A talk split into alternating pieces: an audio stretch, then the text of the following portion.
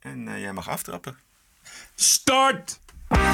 This is the TPO podcast. De deur op een kier voor de vaccinatieplicht. En als het noodzakelijk is in een democratische samenleving om bijvoorbeeld de volksgezondheid of de rechten van andere mensen te beschermen. De Europese Commissie vindt kerstmis kwetsend. EU has been trying to ban the word Christmas apparently because it's not inclusive and potentially offensive. En oud-minister Winnie Zorgdrager woedend op Hans van Mierlo. Heeft u het er daarna met Van Mierlo nog wel eens over gehad over dit? Nee, ik was boos op hem. Aflevering 305. Ranting and Reason. Bert Bresson. Roderick Phalo. This is the award-winning TPO podcast.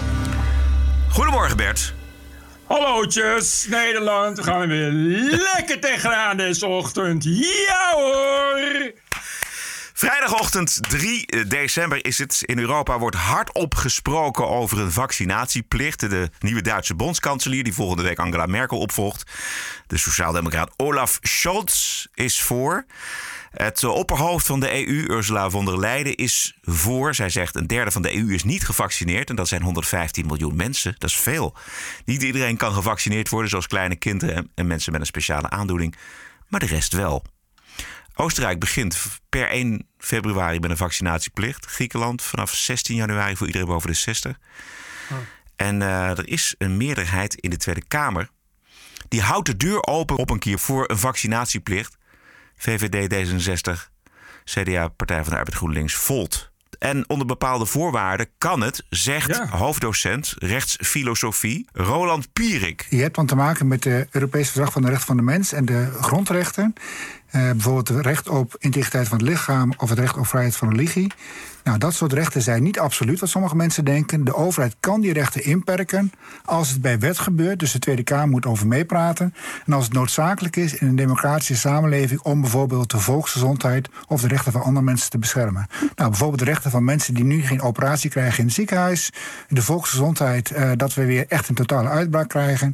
Dus er zijn, het is mogelijk voor de overheid om in te grijpen in die vrijheid. Maar dan moet de overheid niet alleen laten zien dat het noodzakelijk is, dus, maar ook dat het um, uh, proportioneel is. Dus dat alle andere minder vergaande maatregelen niet werken om het doel te bereiken, dan kun je inderdaad zo'n vaccinatieplicht uh, voorstellen. En in, in, Oostenrijk zie je dat die vaccinatiegraad nog lager is dan bij ons. Dat ze eigenlijk niet meer weten wat ze moeten, zitten met hun handen in hun haar. En dan gaan ze toch dit soort toch het paardenmiddelen inzetten om toch te kijken om die vaccinatiegraad omhoog te krijgen. Ja, die vaccinatiegraad in Oostenrijk is 70 procent. Wat denk jij ervan, Bert? Nou, als, eh, Pierik zal er meer verstand van hebben dan ik. Ik dacht inderdaad dat artikel 11 van de grondwet uh, destijds, uh, nog heel laat volgens mij, in de jaren 80 ingevoerd. Uiteindelijk in Nederland, om nou juist dat te voorkomen, dat de overheid let, letterlijk vaccinatieplichten kan invoeren. Omdat dat inderdaad telkens een heet hangijzer was destijds. Uh, onder uh, bijvoorbeeld uh, gelovigen, SGP's en dergelijke, die dat niet wilden.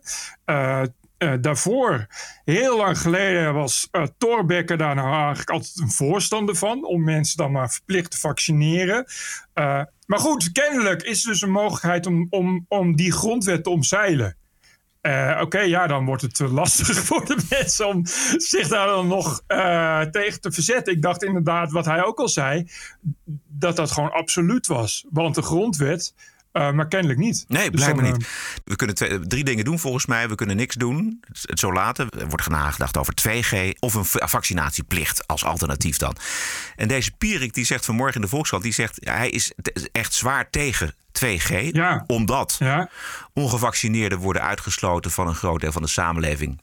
Bijvoorbeeld de horeca, culturele instellingen worden ingezet om die uitsluiting ook te handhaven. Dus dat is ja. extra polariserend. En Pierik die zegt, ja, dat is een gebrek aan respect en dat past niet bij een democratie. Dan maar liever een vaccinatieplicht. Dat is duidelijker Ja. en daar leg je de controle en eventuele sancties bij de overheid. Dat vind ik dus ook. Want je weet dat die 2G eigenlijk bedoeld is om, om een soort verkapte vaccinatieplicht in te voeren. Juist. Dus dan kunnen we gewoon beter zeggen: oké, dan gaan we echt verplichten. Die 2G is nog moeilijker te handhaven dan de vaccinatieplicht. De vaccinatieplicht is ook niet te handhaven. Want je kan dus niet, dat zei ik vorige keer ook al, niet van deur tot deur gaan om mensen spuiten in hun arm te zetten. Het is meer ook een soort symbolische plicht. Als je niet komt, ja, dan krijg je een boete. Maar ja, uh, die boete moet je dan, kun je dan weer aanvechten. En dat wordt dan uh, misschien wel weer verworpen. En uh, weet je, voordat het zover is, ben je tien jaar verder. En dan moet je misschien 300 euro betalen, die je dan niet hoeft te betalen, omdat je inkomen niet voldoende is, et cetera, et cetera. Uh, dus er zijn allerlei mogelijkheden. Ik bedoel, het is niet dat een vaccinatieplicht hetzelfde is als de vaccinatie naar 100% brengen. Maar dit is wat Pierik zegt, is dus dat dan moet je ook als overheid die verantwoordelijkheid nemen. En die verantwoordelijkheid kun je dan aanvechten. En dit is dus het probleem wat er met 2G bestaat. Is dat je dus zegt, ja, uh, we leggen het bij jullie neer. Ja. Hoe ga je dat handhaven? Want we hebben natuurlijk een aantal Ah, echt... Nee, dat, maar je hebt een aantal echt fanatieke antivaxers. En dan hebben we het over de religieuze. Maar we hebben het ook mensen over... Nou ja, die gewoon echt dat niet trekken, niet willen, bang zijn, et cetera. Ja, hoe ga je die verplichten tot niet. een vaccinatie? Dit is hetzelfde als een stemplicht in België. Weet je, de, in België moet je verplicht moet je stemmen. Het is niet dat de opkomst daardoor wordt vergroot. Dus ja, je, mensen die niet gaan, daar, daar krijgen niet allemaal een boete. Uh, en dat is hier net zo. Dan krijg je ja, een vaccinatieplicht. Dus, dus je weet natuurlijk wie er wel of niet is gevaccineerd. Dus iedereen die op de lijst staat, die niet binnen, binnen zoveel dagen aan de oproep voldoet. Ja, die krijgt een boete. Maar je kan mensen niet een jaar gaan opsluiten. Je kan dan die mensen niet voor de rechter slepen. Je kan, uh, je, dit, dat is je kan niet, dus dan krijg je een boete. Ja, dat zal die mensen meestal een zorg zijn. Maar kun je bijvoorbeeld werkgevers een boete geven omdat ze mensen toelaten die niet gevaccineerd zijn? Dat weet ik niet. Die dus de, feitelijk de wet overtreden. Als je een wet maakt, je bent verplicht om gevaccineerd te zijn. En je doet dat niet. En je hebt een werkgever die zegt, nou kijk, ik heb mijn mensen nodig. Volgens mij werkt dat niet zo. Het is een, namelijk een wet van de overheid gericht op het individu. Mhm. En dat individu is verantwoordelijk voor het naleven van, de wet, van die wet, niet de overheid. Dat is hetzelfde als volgens mij als jouw werkgever uh, verantwoordelijk stellen voor de vrachtwagenchauffeur die zijn gordel niet draagt. Oké. Okay. Maar, Denk ik hoor, dat strikt... zou je dus aan Pierik ja. moeten vragen. Ja, of dat soort, dat soort mensen. Want het zijn, dit zijn precies inderdaad dit soort vragen die er dan gaan spelen. Je hoopt ja, dat het effect zal zijn van die verplichting dat, dat, mensen zich alsnog gaan vaccineren. Precies. Het idee is, je mag niet schuin de straat oversteken. Ja. Weet je? Ja. Ja, ja. als je het toch doet, ja. Je, we gaan niet iedereen oppakken die schuin de straat oversteken. Je, je weet, iedereen weet dat. Van je moet niet schuin de straat oversteken. Of, of weet ik, niet door rood lopen. Precies. Rij, door rood rijden, dat, dat doen niet zoveel mensen. Want je snapt dat gevolgen. Maar je weet, als ik, als ik om me heen kijk en ik zie dat de straat leeg is en het stoplicht staat op rood, steek ik over. Precies. Maar het mag niet. Nee. En als je dan alsnog wordt aangereden, dan word je toch ook gewoon geholpen in het ziekenhuis. Dan leggen ze je Ja. niet op straat en Precies. zeggen ze van... Ja, sorry, maar u bent door het rode stoplicht gelopen. Ja, maar als de politie je ziet, zegt hij wel van... ik ga je niet beboeten, maar luister, het is niet de, en het is niet de bedoeling. Die regels, je weet dat die regel er is... en dat zorgt ervoor dat je misschien denkt van... nou, ik wacht wel even. Ja. Weet je, en dat is, dat is bij deze plicht ook. Dus het is denk ik zo dat een plicht... mensen zijn ook soms geneigd aan plicht te voldoen...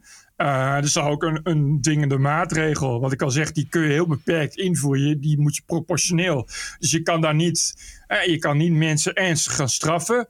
Maar ja, toch. Dus het zal een, een paar procent misschien schelen. Ja. Omdat, me, omdat de twijfelaars zeggen: oké, okay, dan ga ik maar. Die krijgen dus herhaaldelijk een oproep. Uh, in naam der koning. Uh, ondertekend door de burgemeester. U bent verplicht mee te werken. Uh, doe dit nou. En, en, en dat is een reden om dat te doen. Zo werkt het ook. Zo is de hoop dat het zo werkt. Het kabinet heeft wel gezegd dat het deze maand in ieder geval nog iedereen boven de 60 een booster in, in, in de arm prikt. Uh, oh. mocht, mocht, die persoon dat willen. Dus dat moet allemaal uh, nog voor uh, oud en nieuw gebeurd zijn. Dat is een belofte. Misschien is het ook aardig om eens een persconferentie van een andere premier te horen. Dit is Boris Johnson. We're going to be throwing everything at it in order to ensure that everyone eligible is offered that booster in, as I say, just over two months. Across England, we'll have more than 1,500 community pharmacy sites vaccinating people near where you live. All of our sites will increase their capacity and will stand up extra hospital hubs on top of those already active. There'll be temporary vaccination centres popping up like Christmas trees, and will deploy at least 400 military personnel to assist the efforts of our NHS, alongside, of course, the fantastic Jabs Army of volunteers. I know the frustration that we all feel with this Omicron variant, the sense of, uh, of uh, exhaustion, that we could be going through all this all over again. But today, I want to stress this. Uh, today, that's the that's the wrong thing to feel because today our position is and always will be immeasurably better than it was a year ago. What we're doing is taking some proportionate precautionary measures while our scientists crack the Omicron code. And while we get the added protection of those boosters into the arms of those who need them most. Ja, strijdbaar. Dat is een militaire, militaire operatie eigenlijk. Een mooi verhaal gisteren in NRC hoe Israël, lang voor de Omicron-variant, zich als een oorlog voorbereidde op een uh, nieuwe coronavariant. En hun credo was: wees altijd voorbereid op het ergste. En dat hoor, je, dat hoor je ook een beetje in deze woorden van, van Boris Johnson, die een hoop te verwijten valt, maar dit doet hij goed. Ja, die Joden die hebben daar ervaring mee. Ja. Uh, sinds de Holocaust doen ze dat altijd. Dus ja. dat was, uh, was sowieso al een idee. Uh, ik geloof dat de Duitsers nu ook een, leger, een, een, een hoge militair gaan inzetten die de operatie moet leiden. Net als Portugal. Het, ik vind het een goed idee dat ze dat in Nederland ook gaan doen. Precies, want het gaat natuurlijk. Het is een, voor het allergrootste deel is het een logistieke operatie. Je moet het, exact. politiek moet je het eens zijn met elkaar. Maar logistiek, dat gaat zo ongelooflijk mis in Nederland. Dus dat moet je misschien door een militair laten doen. Ja, ik denk ook dat iemand in uniform uh, wel het makkelijkste het gezag uitstraalt wat je nodig hebt. Ik denk ook dat uh, zeker het Nederlandse leger heel goed is in logistiek. Het Nederlandse leger wat tanks moet inzetten en moet gaan schieten, is vaak wat minder. Uh, want dan is een munitietekort en, en er zijn geen tanks. Maar qua logistiek is het leger toch, ja, net als uh, de marine heel goed is in mijnen vegen, is het leger heel goed in logistiek. Dus het lijkt me ook dat je dat, zeker ook omdat het mooi is afgescheiden van de politieke uh, kaders en het politieke gekonkel. Dus dat gaat een hoop gedoe schelen. Nog één dingetje over de Omicron. Ja. Veel, veel media-aandacht voor Paul Frentrop, FVD-fractievoorzitter in de Eerste Kamer. Ja. Die op een vraag van Henk Otte duidelijk maakt dat hij wel gevaccineerd is. En daarmee geheel ingaat tegen het dringende advies van zijn partijleider Baudet. Ja, ik ben, ik ben gevaccineerd. Ik vind het verstandig om dat te doen, mede gezien mijn, uh, mijn gewicht, kan ik erbij zeggen. Ja, ja dat, uh, dat, die conclusie deel ik. Maar uh, dan, volg ik, dan volgt hier dus uit dat u het, het dringende advies van uw partijleider niet opgevolgd heeft, concludeer ik, voorzitter. Nou, we hebben bij D66 hebben we een erkend medicus hier als woordvoerder. Maar voor de rest zou ik het afraden om medische advies te volgen voor welke partijleider dan ook. Vrij duidelijk, hè? Vrij duidelijk. Ja, ja, het is keur, ja. Hij zegt het keurig van welke partijleider dan ook. Maar ik neem aan dat iedereen wel snapt op welke partijleider hij doelt. Ook om, omdat Otte dat zei. Van, uh, van ja, jouw partijleider die zegt dat je je juist niet moet vaccineren. Dus hij gaat gewoon. Hij zegt eigenlijk letterlijk. Uh, dat gelul en die onzin van Baudet moet je lekker negeren. En hoe zou Baudet dat vinden? Ja, hij heeft erop gereageerd met iets niet zeggend. Met ja, iedereen precies. heeft zijn eigen mening en zo. Ja, maar die uh, zal daar. Die zal daar. Uh, maar goed, het is, uh, dit is iemand die in de Eerste Kamer zit. Waar Baudet überhaupt. Die weet denk ik überhaupt niet dat er nog een Eerste Kamer is. Dus wat dat betreft. Ja. Maar zo'n Frentrop, die, die is ook natuurlijk gepokt en gemazeld. Die man heeft zoveel levenservaring. Dat is, ik wou net zeggen. Ja, die laat zich toch niet omverblazen of, of de les lezen door Baudet. Dat kan ik me niet voorstellen. Nee, maar dat is ook. Dit is, Frentrop is gewoon hoogleraar en zo. En ja. die. Uh, ik kan me, dit, zijn, dit zijn geen mensen ook die, die ook maar een wenkbrauw optrekken als ze dat gekakel van Baudet horen. Nee. Dit zijn geen mensen die zeggen: Oh, Baudet zegt dat het vaccin gif is. Dus ik ga me niet laten vaccineren. Dat lijkt me niet. Nee. Maar de suggestie is inderdaad wel uh, pijnlijk voor uh, de partijleider. Namelijk, luister vooral niet naar hem, want dit, hij is geen deskundige. Ja. En, ja, wel waar. Ja, wel waar, zeker. Goed, zullen we naar de wokweek? De TPO-podcast zit niet achter een betaalmuur. Hij is vrij verkrijgbaar, twee keer per week. Maar hij wordt niet kosteloos gemaakt. Er gaat tijd, liefde en noeste arbeid in. Dat geeft de podcast waarde. Hoeveel waarde? Dat bepaal jij. Een biertje in de kroeg kost je zeker 3 euro. Een tosti daar 5 euro. Een maandje Netflix is al 14 euro. Wat is de TPO-podcast je waard? Ga naar tpopodcast.nl en doneer. Keep the show running. Want wat geen waarde heeft, is geen blijvertje. Dus ga naar tpopodcast.nl en doneer. Thank you. Tijd voor de Wokweek.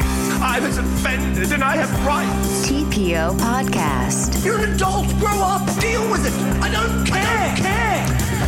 De berichten uit de open inrichting rond uh, mensen die deugen en uh, diep buigen voor de terreur van de identiteitsideologie in de wokbeweging. Maxime Meiland die buigt diep voor de wokbende. en de matrassenboer Emma Matras met excuses. Op haar Instagram schrijft ze: Ik heb mijn les geleerd. Ik ben met mijn neus op de feiten gedrukt. Ik wil mijn excuses aanbieden aan de mensen die zich persoonlijk geraakt hebben gevoeld door deze situatie. Maar ze neemt geen afstand van de moeder. Ja, maar je moet nooit excuses aanbieden. Nooit, nooit, Je moet nooit, nooit. niet gaan bukken. Want dit is, op deze manier geef je dit soort lui juist heel veel ruimte. Je moet, uh, ja, Emma Matras moet je juist nul ruimte geven. Je moet er juist tegenin gaan. Zoals Jan Dijkgraaf deed. Die uh, in zijn briefje van Jan iedereen opriep. Ja. Om dus inderdaad kosteloos een Emma-matras om proefslapen te bestellen en weer terug te sturen. Dat zijn inderdaad de manieren waarop je aan Emma-matras laat zien uh, dat je het er niet mee eens bent. Maar dit is wel, ja, dit is die Maxime Meiland. Die, uh, ja, dat, die laat duidelijk zien dat ze eigenlijk geen principes heeft. En nu al bang is dat ze te weinig inkomsten overhoudt. En dus bereid is daar excuses voor te maken. Maar ja, je hebt principes of je hebt het niet. Je gaat geen excuses maken voor ja, dat mensen gekwetst zijn. Ja, dat is heel vervelend. Maar je intentie was verder helemaal niet om mensen te kwetsen. Je intentie was om het op te nemen voor je moeder uh, en het geheel terecht. Niet uh, geen afstand van je moeder te nemen. Want waarom zou je überhaupt afstand moeten nemen voor iemand anders mening? Uh, en dat moet je dan zo houden. Als het zo is dat mensen daardoor gekwetst zijn. Ja, dat is dan heel vervelend voor die mensen. Dan moet je niet zeggen: Oh, sorry dat ik mensen heb gekwetst. Want dat is natuurlijk onzin. Je hebt helemaal geen mensen gekwetst. Daar kon je helemaal niks aan doen. Ze heeft waarschijnlijk helemaal geen mensen gekwetst. Het is natuurlijk weer zo'n bedrijf of iemand, zo'n zo voorganger van, van de wookbeweging, die claimt te kunnen weten dat jij met je uitspraken of de uitspraken van je moeder mensen kwetst. Dit zijn, dit zijn de almachtige weters. Ja, maar sowieso het zijn uitspraken van haar moeder. Dus als er mensen gekwetst zijn, dan heeft haar, heeft haar moeder mensen gekwetst. Niet, niet Maxime Meiland. Je kan toch niet voor iemand. Je kan toch niet excuses aanbieden voor iemand anders zijn uitspraken? Ja, nee, nee, dat sowieso niet. Als, als jij uitspraken doet, dan kan ik toch niet zeggen: Oh, excuses. Ja, ja ik, ik, doe niet, ik neem geen afstand van Roderick Velo. Nee, het zijn ook niet mijn uitspraken. Nee. Dus waarom moet ik er afstand ja. van doen dan? Door je excuses aan te bieden voor wat dan ook, maak je het alleen maar erger. En dat zien we natuurlijk ook weer. Vanmorgen ja. uh, blijkt dat uh, fotoboekbedrijf Albelly geen nieuwe samenwerking aangaat met Maxime. Het bedrijf zegt: Als bedrijf hebben wij tot september van dit jaar samengewerkt. Naar aanleiding van de huidige situatie rondom de familie Meiland zijn wij niet van plan om deze samenwerking weer op te pakken of voor te zetten. Ik geloof Nivea ook. En er waren nog zo'n Maxi Cosi. Dus ja, financieel voelt zij natuurlijk het vuur aan de schenen gelegd worden. Ja, ja. Maar ja, Weet je, je, maakt het alleen maar uh, erger door, door je excuses te gaan aanbieden. Voor iets Ja. wat je niet gezegd hebt. En aan mensen die pretenderen dat zij kunnen spreken voor mensen die eventueel gekwetst zouden kunnen zijn. Ja, en bovendien... ehm, Kijk eens, die uh, Maxime Meiland en die hele familie Meiland hebben nogal wat fans achter zich. Het is nogal een doelgroep die ze aanspreken. Dus het is helemaal niet, niet, niet gezegd dat op het moment dat zo'n matrassenfirma uh, jou cancelt, dat jij daaronder moet lijden. Misschien wel het tegendeel. En dat is ook nog zoiets. Door excuses te maken, laat je zien dat je door die lui. Uh, dat je door die lui Gepiepeld wil worden. Ja, in, in, in hun macht kunt komen. Ik, ik, ik waak er altijd voor om te zeggen... nou, misschien moet je eerst maar eens bekijken...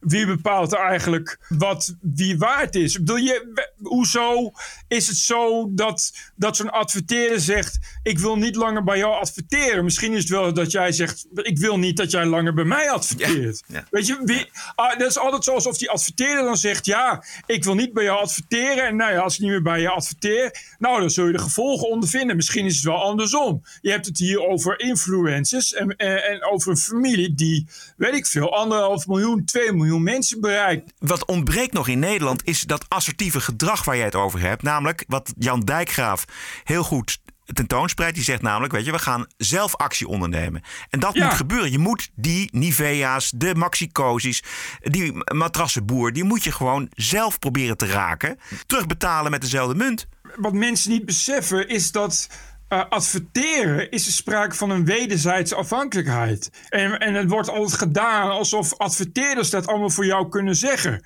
Maar uh, adverteerders bieden geld, maar jij biedt het platform. En als er geen platform meer is, dan hebben, die, dan hebben die bedrijven kunnen ze niks meer verkopen. Dus het is niet automatisch zo gezegd dat op het moment dat je niet kan, dat, dat een adverteerder niet wil adverteren, die doen het altijd heel arrogant. Oh, dan trekken we ons terug. Oké, maar ja, als iedereen straks zegt, maar wij willen jou niet meer als adverteerder, ben ik heel benieuwd wat die bedrijven dan zeggen. Ja, maar hebben die adverteerders niet gewoon veel meer keus? Die kunnen die zeggen, dan gaan ze niet bij Meiland, dan gaan ze bij een andere influencer. Wat, wat, kan, wat maakt hun dat uit? Nou, dat kon, wel, dat kon wel eens tegenvallen. Op het moment dat jij een advertentie hebt ingeboekt uh, en, je, en je daar een, een, gedeelte van je marketingbudget al aan hebt besteed, dan ga je zien dat op het moment dat dat platform wegvalt, dat ook je sales terugvallen. Dat assertieve, dat, dat mis ik wel heel erg uh, in deze hele affaire. Geldt voor meer affaires trouwens die gaan over, uh, over woke. Iets meer zelfverzekerd, iets meer zeggen ja. van, weet je, mijn moeder heeft het gezegd, we hebben sodemieterd. Dan maak je namelijk ook een goed punt naar iedereen die twijfelt en die denkt, nou ja, misschien hè, waar rook is, is vuur. Misschien uh, deugt ze inderdaad ook wel niet. Nee, je moet daar gewoon open en eerlijk over zijn. En, en je rug recht houden. Dat helpt. Ja, ik kan je nu al op een briefje geven. dat dus over een paar maanden. Uh, er nog meer merken zijn die zich bij Maxime Meiland aansluiten. dan dat er nu zijn. Alleen dan wel in stilte. Maar dat is hoe dat soort dingen gaan. Ja. Dan de Universiteit van Amsterdam. Die heeft een nieuwe centrale diversity officer. Het is een witte man. Goh. Met, een, met een grijs baardje. Het belangrijkste is dat je als brenger en maker van excuses. dat jij niet de ander die jij gekwetst hebt verwijt dat hij of zij zich niet zo makkelijk gekwetst zou uh, moeten tonen. En die uh, Magiel Keestra die heeft een rechtvaardiging voor zijn carrière move. En die omschrijft hij zelf als volgt. Mannen zoals ik laten het in deze context veelal afweten, is mij de afgelopen jaren bij tal van bijeenkomsten opgevallen. Terwijl de verandering uiteindelijk ook gerealiseerd moet worden met behulp van al die witte mannen van middelbare leeftijd. En daar bedoelt hij zichzelf mee. En dan, let op, het kan niet de bedoeling zijn dat de verantwoordelijkheid voor die verandering komt te liggen bij hen die het vaak toch al lastiger hebben.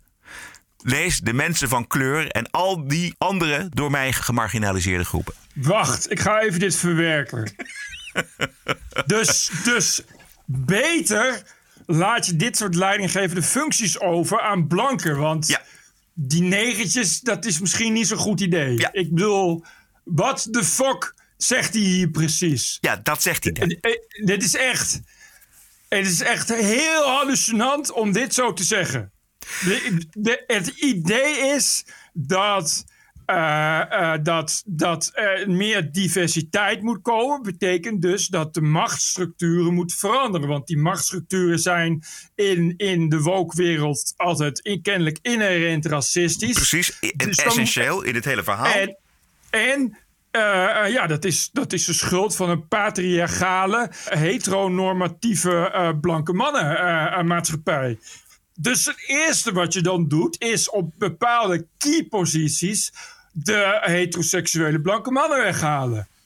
Ja. En dat, die ga je dan niet vervangen door heteroseksuele blanke mannen onder het motto: ja, maar je moet het zo ook weer niet zelf laten doen, die kleurlingen. Want dat kunnen ze niet. Precies. Hij zegt: je kunt de verandering die nodig is niet overlaten aan de mensen van kleur voor wie we de verandering willen bewerkstelligen. Als dat geen racisme van de lage verwachting is, dan weet ik het niet meer. Of het is natuurlijk gewoon een ordinair excuus om zijn eigen carrière stap te rechtvaardigen. Ik denk dat laatste. Ik denk ook dat laatste, maar dit is wel een heel dom excuus. Zeg dan niks. Maar je hoeft, je hoeft niet iets te zeggen, hè? Zo is het ook weer niet. Nou, kijk, zeg, dan, zeg dan gewoon standaard van ja, maar we hebben, we hebben alles uh, van alle inzendingen, van alle, alle uh, vacatures of mensen die beschikbaar waren, is dit gewoon uh, de beste keus, want zus en zo. Maar dit klinkt meer als we gaan straks brandende kruis op het Routes-eiland plaatsen. ja, ik bedoel... Het is te, bijna te vies voor woorden wat hier gebeurt. Ja, hier kom je niet meer tegen op te verzinnen. Nee. Bedoel, dit is wel echt, dit is wel echt uh, piek satire. Nog een ander uh, zaakje speelde in de hoofdstad. De prijs voor gewone Amsterdammers met buitengewone prestaties. De Amsterdammer van het jaar verdwijnt omdat GroenLinks-wethouder Rutger Groot-Wassink alleen nog maar subsidie verstrekt aan mensen die zich bezighouden met gendergelijkheid, biculturele, LHBTQ en koloniaal verleden. En bericht dinsdag in NRC Handelsblad. Eerder gingen prijzen naar mensen die een voedselbank hadden opgezet, muziekles hadden georganiseerd in achterstandswijken of zieke kinderen in ziekenhuizen opvrolijkten. Maar u begrijpt dat gendergelijkheid, biculturele bullshit en de koloniale schuld duizend keer belangrijker zijn dan zieke kinderen een leuke dag bezorgen of een voedselbank opzetten. Uiteraard. Ik vond het ook mooi dat die, dat die, dat die baas, die zei van uh, ja, nee, aan dat profiel kunnen we niet 100% voldoen. Ja. De kans dat je aan dat profiel 100% kunt voldoen is, is vrijwel altijd nul. Dus ja, ik, gaan, uh, dit is denk ik uh, het begin van uh, vele, vele, vele organisaties en culturele instellingen die straks voetsie zijn. Ja, omdat ze dus inderdaad niet aan dat, dat profiel 100% kunnen voldoen. Omdat het vrijwel onmogelijk is. Ja, we hebben het natuurlijk al lang gezien met, in de cultuursector. Zeker in Amsterdam, maar in de rest van Nederland ook. Maar we hebben het hier dus over een links college. Dit zijn mensen links, dit is GroenLinks. Oké, dat is een elitepartij. Maar er zit ook Partij van de Arbeid. D66 reken ik ook even voor het gemak tot linkse partijen. We hebben de SP. Dat zijn dus mensen die traditioneel moeten opkomen voor gewone mensen. Gewoon. Bah, gewone mensen. En, voor mensen in achterstandswijken en voor de voedselbank. En wat zegt Rutger Groot-Wassink? I don't care. Het gaat mij om die hele bullshit over identiteitspolitiek. Dat is toch geen links beleid, man? Bij links is, is de, de achtergestelde arbeider zo al lang passé. Je kan met, met iemand die naar de voedselbank moet... of een, of een, of een terminaal kankerkindje... kun je niet, nu niet nog scoren bij links. Het is al passé. Weet je, die mensen die stellen helemaal niks voor. Die kun je laten creperen. Het moet gaan om, uh, ja, het moet gaan om, uh, om, om huidskleur. Om ras.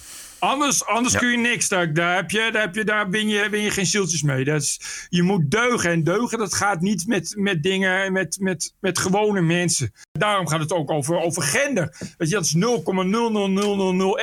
van de bevolking. Dat moet je met beide handen aangrijpen. Want die lijden echt. Lex Uiting. Lex Uiting diep door het stof in RTL Boulevard vanwege uitspraak kopdoekjes. Lex Uiting gaat diep door het stof vanwege de uitspraken die hij in RTL Boulevard heeft gedaan over hoofddoekjes. Hij heeft die namelijk kopdoeken en kopvalden genoemd. Lex Uiting biedt nu zijn excuses aan. Tijdens een item over de Meilandjes heeft presentator Lex... Oh, hij is presentator. Heeft presentator Lex Uiting zich dinsdagavond niet bepaald handig uitgelaten over hoofddoekjes. Want die noemde hij bloedserieus kopdoeken en kopvodden. Eh, BNS reageerde woest. Kregen steun van onder meer... nou, dat zijn wel namen. Glennis Grace, Najib Amali... Lucas Hamming, ik weet niet wie dat is. En Jelka van Houten, dat is de zus van. Ja. Uh, even kijken. Uh, Bridget Maasland reageerde direct naar de uitspraak. Ook verbuisterd. Uh, oh, ze begonnen zelfs gisteren met. Voordat we deze uitzending beginnen, willen we eerst even terugkomen op iets wat er eerder gebeurde. even kijken. En toen zei Lex: Ja, ik maakte een fout. Ik noemde een ander woord voor hoofddoek. En dat had ik meteen door. Maar ik maakte ook meteen excuses hier aan de desk. Maar doordat ik er zelf ook van schrok en mij ongemakkelijk bij voelde, probeerde ik weer om het glad te strijken en een grap over te maken. En noemde ik het woord weer en et cetera. Maar het is nooit mijn bedoeling geweest. Ja, ja. It's racism. Ik... Ja. It's racism. Bij deze wil ik die woorden nogmaals graag terugnemen en oprecht mijn excuses aanbieden. Jammer Lex, je wordt gewoon gecanceld. Eenmaal racism, dat kun je niet. Dat is sorry. Sorry, Lex. Het spijt me. en zeker als je dan ook nog je excuses gaat aanbieden. Je kan het zo vergeten, Lex. Als ik jou was Lex, zou ik uh, nu nog even een Emma-matrasje kopen. Nu het nog kan. En wat Nivea-producten inslaan. Want ik denk niet dat die nog uh, aan jou iets willen verkopen binnenkort. Hij vindt dit blijkbaar wel, want anders zegt hij dat Tuurlijk niet. vindt hij dat. Maar kopvolle... PVV-uitspraak. Zeg jij dat wel eens? Ja, precies. Maar 3V, zeg je dat toch nooit? Nee, dat is niet handig om te zeggen. Nee, maar nee, het, het- komt ook niet in je op. Bij mij, ik, ik heb het over hoofddoekjes of over hijab of over wat dan ook. Maar kopvol. het is wel heel, heel een narig. eh, Ja, vind ik eh, ook. Een beetje lastig deze. Ehm, Nee, maar het is, het is natuurlijk duidelijk dat hij, dat hij er geen fan van is. Nee. Want hij, hij gebruikte dat in, in een discussie over die meilandjes. En hij zei dus van ja, ik, ik vind ook iets van, eh, van, van die dingen. En daar gebruikt hij dan een onhandig woord voor. Maar hij vindt er natuurlijk wel iets van. Dat is natuurlijk duidelijk. Dat is duidelijk dat hij het niet opnam voor, eh, voor hoofddoekjes. Nee. En ja, dat mag gewoon niet in de televisiewereld. Dus dit, is, dit ligt wel zo gevoelig dat ik kan je echt serieus, geen grap. Dit, die excuses hebben nu geen zin meer. Nee, maar misschien de heeft hij... de- televisiewereld is keihard, Ja. maar die, dit is Ja. echt het einde van alles, van zijn carrière voor tv. Balen Lex, jammer jongen, hij heeft- Hij heeft blijkbaar niet, niet de intelligentie om het op een andere manier te vertellen. En dat, dat dan niet op die manier. Maar goed. Nee, maar om, dan had hij er ook bij moeten blijven. Maar hij is geschrokken van de ophef. Ja. Want ja, Ja. als Glennis Grace is... Glennis Grace Ja. en Lucas Hamming... Whoever that may be. Nou, als die iets van je vinden op Twitter... Ja, dan schrik je natuurlijk wel. Of zoiets. Mensen die kritiek hebben op de woke waanzin, zoals wij eigenlijk iedere week eh, twee keer in de TPO-podcast, worden nog eens voorgehouden dat wij angstig zijn. Witte mannen zouden bang zijn om hun Oh, ja. zogenaamde privileges op te geven, invloed in te leveren, et cetera. Ik zelf ervaar dat niet zo. Om iets te vinden van een krankzinnig subsidiebeleid in Amsterdam, hoef ik mij eh, helemaal niet bedreigd te voelen. Trouw. Nee, ik- ja, jij? Nee, eh, nee ik, ik snap ook helemaal Nee, niet. toch? Ja. Dat, ik begrijp dat niet. Dat ze zeggen, ja, maar, jullie, hoor. jullie, zijn, jullie zijn bang, want jullie moeten allerlei eh, privileges inleveren. Nou, Ja, zo- maar ik- het is ook een heel triest, kinderachtige jijbak. ja, die terug jijbak, die, daar kun je wel weer subsidie voor aanvragen. En dan kun je zelfs een dansvoorstelling van maken. En daar kan Trouw dan weer leuk over schrijven. Want die schrijft daarover. Deze maker, met een onuitsprekelijke naam... maar die maker heeft een dansvoorstelling gemaakt... waar dan de witte man, dus één witte man... de rest is allemaal eh, van kleur... die wordt dan tentoongesteld als een zielig figuur... die verwoede pogingen doet om het tegen te houden... dat hij zijn positie moet inleveren. Dit is wel heel erg makkelijk. Maar het is ook Dat een hele stond raci- niet. Nee, nee, het is ook een hele racistische voorstelling natuurlijk. Want nu, Ja. hebben we, nu hebben we het over een- de witte man. Dus hij verzamelt allerlei clichébeelden van de witte man. Maar moet je dat eens doen over de zwarte man? Of de zwarte vrouw? Of de gehandicapte? Of de... Ja, doe maar op. Puur racisme. Wat deze dansvoorstelling inhoudt. Maar goed, ik begrijp dat de maker een moeilijke naam heeft. Ja. Dus die zal zelf eh, eh, wel eh, in het voldoen aan de subsidievoorwaarden van Amsterdam. Ja, ik denk het Dus wel. dat is, het is Ja. wel fijn. Er komen niet zo heel veel mensen naar kijken, vrees ik. Dus het is wel fijn dat dan in elk geval trouw nog komt kijken. Ja, precies. En dat er subsidie is. Want van de kaartjes moet je het Juist. niet hebben, denk ik. We hebben het in de dinsdagshow al even gehad over Eurocommissaris voor Gelijkheid, mevrouw Helena Dalli uit Malta. Zij ging op de foto met de orthodoxe islamitische dames van Femiso, de jeugdafdeling van het Moslimbroederschap, bekend van GroenLinks. En Kleis Jager die schreef terecht dat dit commissariaat vermoedelijk in het leven is geroepen om Malta ook een eurocommissaris te geven. En de vraag is wat deze mevrouw Dalli op kosten van de Europese belastingbetaler voor werk doet. Nou, op de foto gaan natuurlijk met die islamisten, dat is één. maar ze heeft, net als de gemeente Amsterdam, ook een taalgids samengesteld van woorden die verboden moeten worden om meer diversiteit en inclusie te weerspiegelen. En het gaat om een interne taalgids voor inclusieve communicatie. Ja, het is allemaal hetzelfde. Weet je, wat dit, dit, hebben, dit hele item hebben we al een keer gedaan voor de gemeente Amsterdam. Nu geldt het voor ook de hele Europese Commissie. En de Franse krant Le Figaro die publiceert die lijst. En eh, de verboden woorden zijn onder andere kerstmis, Ja, snap ik, snap ik. dames en heren. Dus Ja. dan- dat moet je collega's zeggen en geen dames Ja, en heren ja. meer. De voornaam Marie mag bijvoorbeeld niet meer als voorbeeld. Want dat is. ja, nee. En eh, haar idee is om eh, de christelijke dimensie van Europa te annuleren. Wat? Ja. Daarmee sluit je dus bijvoorbeeld moslims uit in Europa. Zij heeft het over stereotypen die diep geworteld zijn in individueel en collectief gedrag. Het is wat. In een, in een christelijke cultuur die, dat daar stereotypen diep in geworteld zijn. Ja, heel gek. Klein stukje van GB News van afgelopen woensdag hierover. EU has been trying to ban the word Christmas apparently because it's not inclusive and potentially offensive. Please say this isn't true, Tamandra. Well, it was a leaked internal EU Commission document. The expression colonisation of Mars is considered negative because it's reminiscent of colonialism, and it'd be better to use sending humans to Mars. And I'm thinking, come on, this is finally we found a place to colonise that we're not actually nicking from anybody that lives there already. Finally, we can colonise with a clear conscience because Mars is empty. You know, no, don't- you know, don't you know, us are gonna are gonna that. say that we're we're taking land away from whatever like From the waterborne Martians. bacteria. Ja, maar echt hoor. Ja. Dus het koloniseren van Mars mag je niet zeggen. Dan moet je zeggen, we gaan mensen naar Mars sturen. Maar moet je je voorstellen, wat een totalitaire waanzin dit is. Christelijke dimensie annuleren. Voor een heel, eh, voor, eh, voor eh, wat is het, 250 miljoen inwoners of zo. Ik bedoel, voor de hele EU, waar toch echt heel veel landen zitten die voor nog gewoon serieus katholiek zijn. Waar überhaupt de hele geschiedenis gewoon, wat je er ook van vindt, stoelt op een, op een, op een, op een christelijke Joodse cultuur. Ja. Wat, hoe kun je dat nou annuleren? Maar dat is de zelfhaat. Dat, dit is de... Dit is de Nee, wel heel ver. Gaat wel heel, ook het woord ke- kerstmis. We gaan kerstmis afschaffen. Oké, hoezo dan? We geloven niet meer in Jezus. Ook, maar kwetsend voor moslims. Denk even na over hoe dit allemaal tot stand komt. Dit is een commissariaat, het eh, de Eurocommissaris van Gelijkheid. Dus een, een non-functie. En een, en- maar dit is gewoon in het leven geroepen, inderdaad, wat Kleis Jager zegt, om eh, ook Malta een commissariaatje te geven. En deze mevrouw denkt: Weet je wat?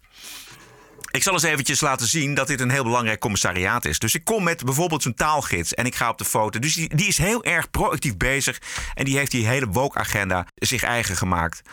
En zadelt Europa en de Europese belastingbetalers met deze waanzin op. Het is huiveringwekkend door dit soort dingen. En, weet je, en, en altijd als je kritiek hebt op de EU, zeggen mensen: Oh, het is democratisch eh, verkozen hoor. Mensen hebben heus wel invloed. Terwijl je, je voelt natuurlijk al, al, al aan je ekste oog. Voel je al dat je er natuurlijk 0,00000 invloed op hebt. Hoe dit soort, dit soort dingen zich volledig zelfstandig de macht proberen te grijpen. En dit soort dingen in elkaar draaien. Zonder dat er ook maar, ook maar iemand iets op kan zeggen. En het is natuurlijk weerzinwekkend. We zijn er wel klaar mee. What a woke week it was. This is the TPO podcast. Dan gaan we naar Amerika. TPO podcast. Ladies and gentlemen, the President elect of the United States.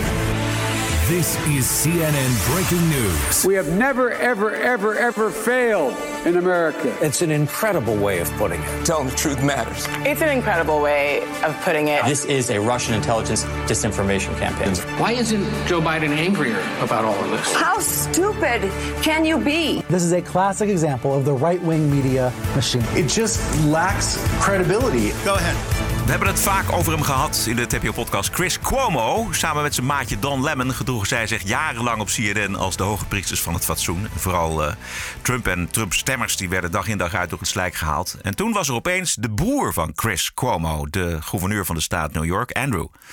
Die door meerdere vrouwen beschuldigd werd van ongewenst gedrag.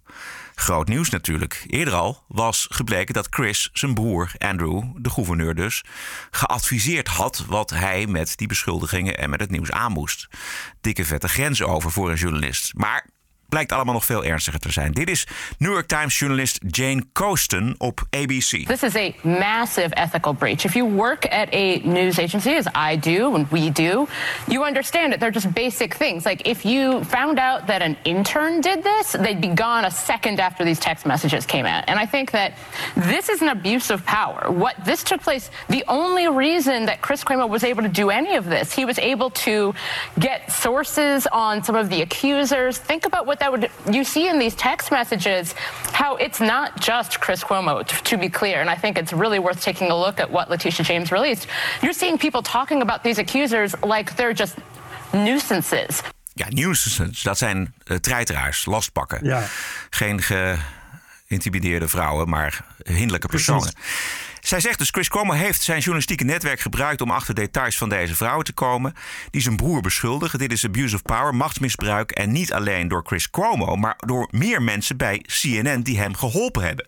Ja. Ik, eh, het is ook wel echt pijnlijk als zelfs de New York Times dit zegt. Ja. Bedoel, als we het over journalistieke ethiek hebben, dan denk ik niet dat het New York Times de eerste is die zijn mond moet opentrekken. Doen ze het wel, dan is het dus extra pijnlijk. Eh, en ten tweede heeft ze helemaal gelijk. En er inderdaad meerdere mensen bij CNN. Dit heeft gewoon te maken dus met ordinaire macht. Ik las ook dat er bij CNN al lange tijd eh, mensen waren die zeiden van... Hoezo werkt Chris Cuomo nog? Die, echt, die komt op zijn werk dat mensen ook zeggen... hey, wat is Chris Cuomo hier? Wat is hij niet ontslagen? Oh, hij is niet ontslagen. Wat raar, hij hoort wel ontslagen te zijn. Dus dan weet je, dat is natuurlijk, natuurlijk iets heel erg mis binnen de leiding. Eh, zoals het altijd gaat, is het natuurlijk door en door rot. Eh, ja, dit kon wel eens, eh, wel eens een heel, heel nasty schandaal gaan worden voor CNN. Waar het toch al zo fantastisch mee gaat. En je ziet dat mensen die heel erg voorstanders zijn van die cancelcultuur, die daarop aandringen bij andere mensen, uiteindelijk zelf ook wel weer een slecht slachtoffer worden. Zoals we nu zien. Niet geheel onterecht trouwens. Ja, maar die wel als het over hunzelf gaat, daar eh, toch, niet, eh, toch niet echt, eh, toch niet echt thuisgeven. Nee, mensen die pretenderen de ethiek te kennen en dat willen opdringen aan andere mensen, die moet je Maar, nooit eh, vertrouwen. Nooit. Als ik de New York Times zo hoor, gaat het nog een hele prettige headset-job worden. Want Chris Cuomo is natuurlijk net als eh, zijn broer een fijne, blanke, blanke heteroseksuele man van middelbare leeftijd. Die eh, dankzij andere mannen, andere blanke heteroseksuele mannen van, van middelbare leeftijd, gewoon eh, kon blijven bestaan bij CNN. Ja, Dus daar kon nog even flink lek op gehakt worden. Ja, maar hij, hij claimt dat hij, hij. is- Ze zijn van Italiaanse afkomst. Dus dat is ook wel Ja, weer ja, ja, ja, minderheid. ja, ja, ja, ja. En dan hebben we ook nog acteur Jesse Smollett. Hij staat deze week voor de rechter. Drie jaar nadat hij deed alsof hij was aangevallen door Trump-supporters... die hem in elkaar zouden hebben geslagen vanwege zijn huidskleur... en omdat hij homo is. In werkelijkheid betaalde hij twee zwarte broers... die de hele aanval in scène hadden gezet. En Jesse Smollett was ontevreden over zijn salaris bij een tv-show... en hoopte met de aanval en het slachtofferschap... zijn carrière een nieuwe boost te geven. Tonight, actor Jussie Smollett on trial for charges that he staged a racist and homophobic attack on himself nearly three years ago. A jury of 12 selected earlier in a packed Chicago courtroom.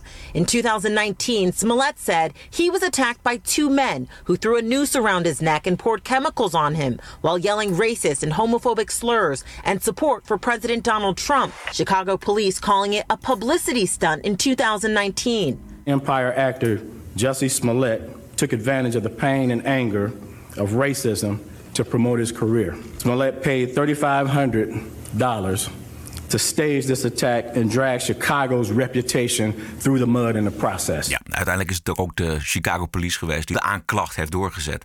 En die broers Is die bekend ooit eigenlijk? Nee, nooit bekend. Hij heeft dit is interessant. Het verhaal is nu, kijk, die broers hebben gezegd, die hebben alles gezegd. Hè? Die hebben gezegd van, nou ja, weet je... We, ehm, we werden betaald. we werden betaald. Nu zeggen de advocaten van Smollett dat hij, eh, die Smollett, het echte slachtoffer is van een echt misdrijf.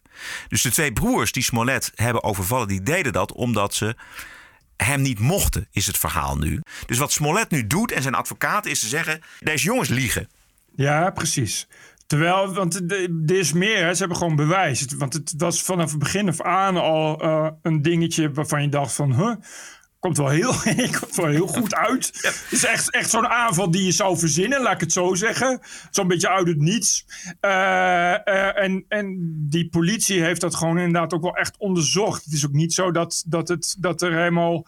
dat het alleen maar die, die bevestiging van de jongens is. Er waren gewoon direct ook al echt twijfels en zo. En hij heeft het dan over Trump-supporters die ook nog racistische opmerkingen aan hem maken. Maar dit, dit waren helemaal geen Trump-supporters. En bovendien waren ze zwart. Ja, ze- het waren dus zwarte. Dat, ja. precies, dat was, het, dat was het probleem ook. Dat, dat, dat, wat dan ook meteen iedereen zei van... Huh, oké, ja, racistische aanval door zwarte. Ja, ja. En ik, dat je ook denkt... eh, als je dan iets in scène zet, denk er dan ook eens twee keer over na. Huur dan twee. Ik bedoel, het lijkt me dat je voor 3500 dollar voldoende eh, eh, eh, white trash mad heads kunt vinden die dat wel even voor Ja, je willen doen, zal ik precies. maar zeggen. Ja, extreem dom. Nee, Ja. Nee. ik neem twee bekende, bevriende zwarte acteurs. Oké. Nee, dus hij heeft alle schijn tegen. Hij is totaal ongeloofwaardig. Wat een sukkel. Zoveel schade richt je daarmee aan. Dus ook iedereen die strijdt tegen racisme eh, en, en tegen Trump en weet ik veel wat, maak je daarmee juist extra kapot. Zo, en de, dat is natuurlijk ook waarom die politie.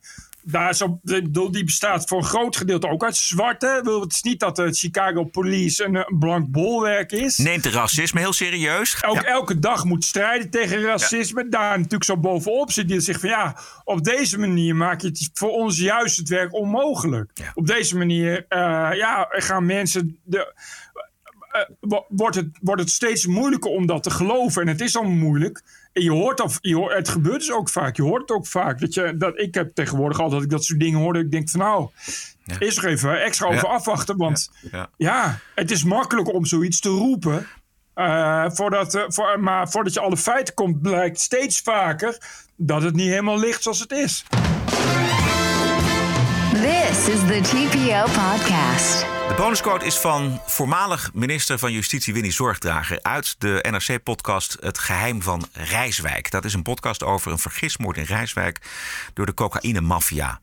Belangrijke schakel in de cocaïnehandel naar Nederland was toenmalig president van Suriname Desi Bouters. En Zorgdrager die onthult in die podcast dat haar partijgenoot en minister van Buitenlandse Zaken Hans van Mierlo persoonlijk de arrestatie van Bouterse heeft voorkomen. Ik werd op een gegeven moment gebeld, dat herinner ik me nog heel goed, door Hans van Mierlo. Die zat in een vliegtuig.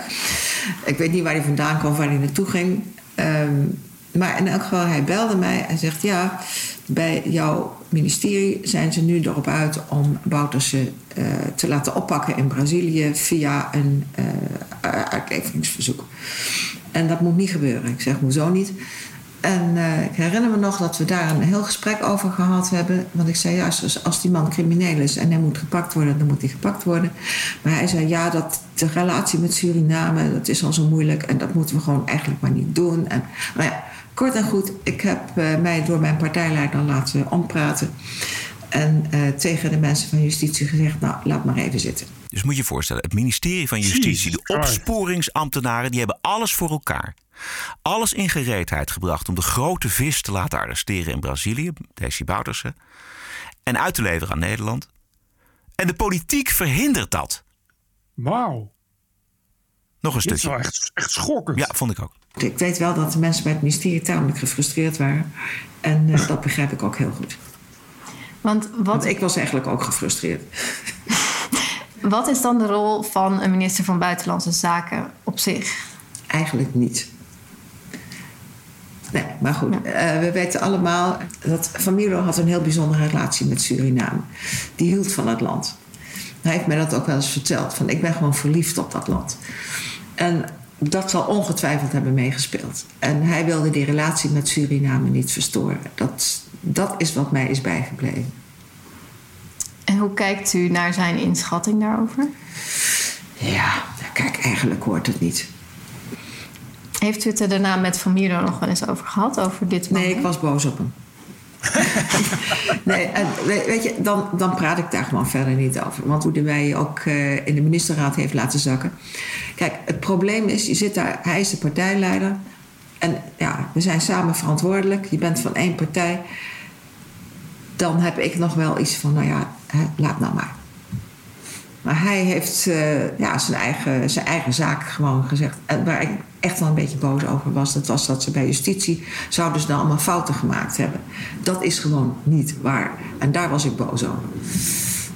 Ja, dat kan ik me goed voorstellen. Ja, het was mijn ministerie, mijn mensen, ze hadden het echt goed gedaan. En om nou dan ook nog te gaan zeggen dat die fouten hadden gemaakt, daar was ik gewoon echt boos over. Wat vind je daarvan? Maar ik, wat ik. eh, eh, want kijk, zij heeft dus toegegeven aan hem. Ja. Terwijl hij was minister van Buitenlandse Zaken, die dus helemaal niets te maken had met het beleid van justitie. Exact. Dus ik vind dat zij eigenlijk nog meer schuldig is dan hij. Nou ja. zij, had moet, zij had moeten zeggen: eh, nee, want jij gaat daar niet over. En, en ik, ik moet me aan de wetten houden. En, en de wet is dat we hem moeten oppakken. Nou, dat wordt gezocht. Maar dat zal ze zeker gezegd hebben. Dat hoor je ook eigenlijk tussen de woorden door. Dat, zij dat, eh, dat dat een flinke ruzie is geweest. Maar vergeet niet dat Van Mierlo was natuurlijk haar partijleider. Hij was Ja. dat zo. En, en het is iemand die ja, eh, vice-premier was. Hij stond net een paar treden hoger dan Winnie Zorgdrager. Hij had alle macht in handen natuurlijk. Ja. Hij, had natuurlijk, hij kon natuurlijk ook zeggen, ja, dan lig je eruit of zo. Of ik Ja. kan het kabinet laten knappen, whatever. Kan alles, kan alles doen. Maar zij zegt dus ook van ja, ik ben boos ook over de manier waarop hij mij in de ministerraad heeft laten vallen. Moet je voorstellen wat daar gebeurd is, joh. Iemand op persoonlijke gronden zegt. We gaan die Desi Bouters helemaal niet aanhouden. Terwijl alles in gereedheid is gebracht. En, en we met een groot cocaïneprobleem zitten. En, en dit de kans is. En, de- en dat hele ministerie van Justitie eh, bezig is om die man eh, voor het gerecht te krijgen. En Hans van Mierlo zegt: gaan we niet doen. Hey, maar ik, ik begrijp, ik vind het echt ver- verbijsterend dat, dat je zoveel macht kan hebben als minister van Buitenlandse Zaken. Ja. En dat een, dat een premier ook eigenlijk niet ingrijpt. Want dat, Ja, wie was, wie was ja, premier wie was de premier? Want dit, dit is Balkenende? natuurlijk paars. Dit- Nee, dit is, dit is een paarse. Dit is zonder het CDA. Oh ja, dus het is... eh, Even kijken. eh, Kok. Eh, dat zou kunnen. Even kijken hoor. want Dat gaan we even opzoeken. Dat is een goede vraag. Kabinet eh, Zorgdrager van Mierlo. Ik denk paars 1, denk ik. En ik denk inderdaad dat dat Kok is. Ja, dat was Kok volgens mij. Even kijken. Ja, kabinet Kok. Paars 1. Ja. Dus die heeft daar ook, eh, ook mee ingestemd. Of hoe? Ja. Ik, ik weet niet hoe, hoe. Maar ja, dat is als het bij de, bij de ministerraad is, is besproken. Nou, kijk, precies. En, en voorbesproken door Van Mierlo en Kok natuurlijk. En, Ja. en, dat, en dit geeft dus een heel mooi inkijkje. En daarom is het zo'n interessant fragment, vind ik. Dat, je, dat er dus gereeld en gedeeld wordt. Dus dat er iets heel belangrijks staat te gebeuren. Maar dat dus een, iemand op een, op een hele belangrijke positie van Mierlo dat kan tegenhouden uit, uit persoonlijke ja, liefde Ja, voor, persoon- voor uit- uit persoonlijke Ja, overwegingen. liefde voor Suriname. Who cares? En dat dus kortsluit met Kok, want Kok is de premier.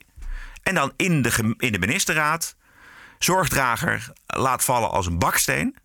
Want de, de heren hebben dat eh, zo geregeld. Dat is onvoorstelbaar. On- onwaarschijnlijk. Ja. Ik denk dat eh Desi Bouterse jaloers zou zijn op deze methode. Bedoel, Als het, de- wat, wat dat betreft begrijp ik dat dan wel weer. Die zullen dan wel vriendjes zijn geweest. Want die hebben beide alle, eh, hebben ze wel een, een, eh, een handje van dit soort methoden. Maar dat is ja. Ja. En eh, wat, hoe oud, wanneer, van wanneer is deze podcast? Deze is, die kun je nu beluisteren. Website van NRC Handelsblad. En de podcast heet Het Geheim van Rijswijk. Jezus, het is wel, ik vind het wel een openbaring zeg. Ja, ik ook. Je gaat dan toch denken, wat zou er nog meer... eh, eh, want dat is ook zoiets, hè? Nou, dit zo'n zorgdrager, die komt dan, eh, dan, dan in bij zo'n podcast. En dan, dan blijkt dat.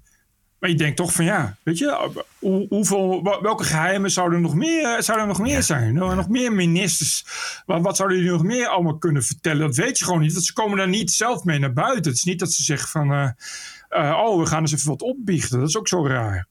Dat je, dat je denkt van, ik snap gewoon niet dat zo'n zorgdrager, dat je dan als je minister af bent, dat je dan niet zegt van, oh, ik ga eens even vertellen wat er is gebeurd. Terwijl ik denk, van, het is toch wel, toch wel een heel belangrijk verhaal. Het is geen, Ja, toch daar- geen klein dingetje. Nee, maar daar is hij dan toch, toch te diplomatiek voor. Dat, dat gaat zij niet doen. En, en ze gaat er eh, uiteindelijk kiest ze dan eieren voor de geld. Misschien zegt nou weet je wel voor de goede lieve vrede. Ook met, met Van Bierlo. Hij is natuurlijk ook niet meer En ze onder zijn ons. dood. Ja. Ja. Kok is ook dood, dus dat is dan natuurlijk ook wel inderdaad... Ja, misschien komt, kan het, komt er wel kan het nu. makkelijker uit. Ja. Ja. Ja. maar dat is wat ik zeg. Je gaat toch denken van... Goh, weet je, wat zou er nog meer... Welke misdadigers zouden nog meer niet opgepakt zijn? Ja. Bijvoorbeeld. Om Ja, precies. precies. En, en ook andere zaken natuurlijk. Hè, bedoel, als, als de politiek dus blijkbaar zo'n belangrijk, zo'n grote invloed heeft op dat soort Ja. besluitvorming. Moet je je voorstellen, jongen, al die, al die opsporingsambtenaren, iedereen die, die gewoon zijn werk doet, die volgens de wet, die, die, de crime fighters bij het ministerie van Justitie, die bezig zijn om, om, om die Bouters, wat een hele belangrijke grote vis was, om die te laten Ja. arresteren in, in Maar ja, Brazilië. Ook, dat is ook, dat, dat heeft Fred Teven ook wel eens gezegd. Dat, een beetje die hele bonnetjesaffaire en zo. Hè? Dat, dat, het, ja, daar is toch daar is een en ander aan gedeeld. En er zijn eh, waarschijnlijk ook wel criminelen eh, vrijgekomen voor anderen en zo. Hè? Dus, dus, en daar, hij, hij zegt van ja, ik neem dat soort dingen geheimen mee in mijn graf. Om, dat, dat terecht. Maar je denkt toch van, goh, weet je, dat, dat toch op een dag eh, uitkomt. Wat er allemaal is gebeurd.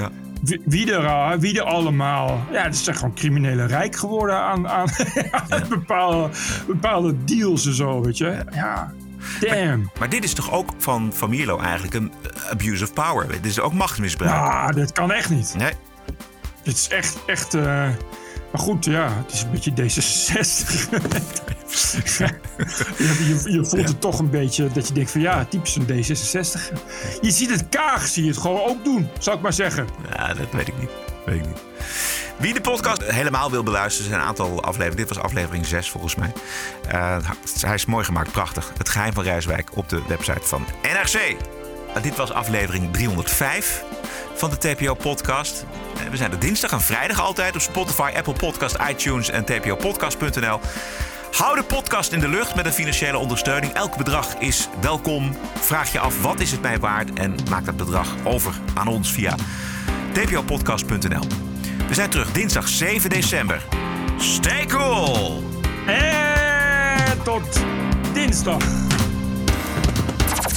TPO Podcast. Bert Bruson, Roderick Balo, Ranting and Reason.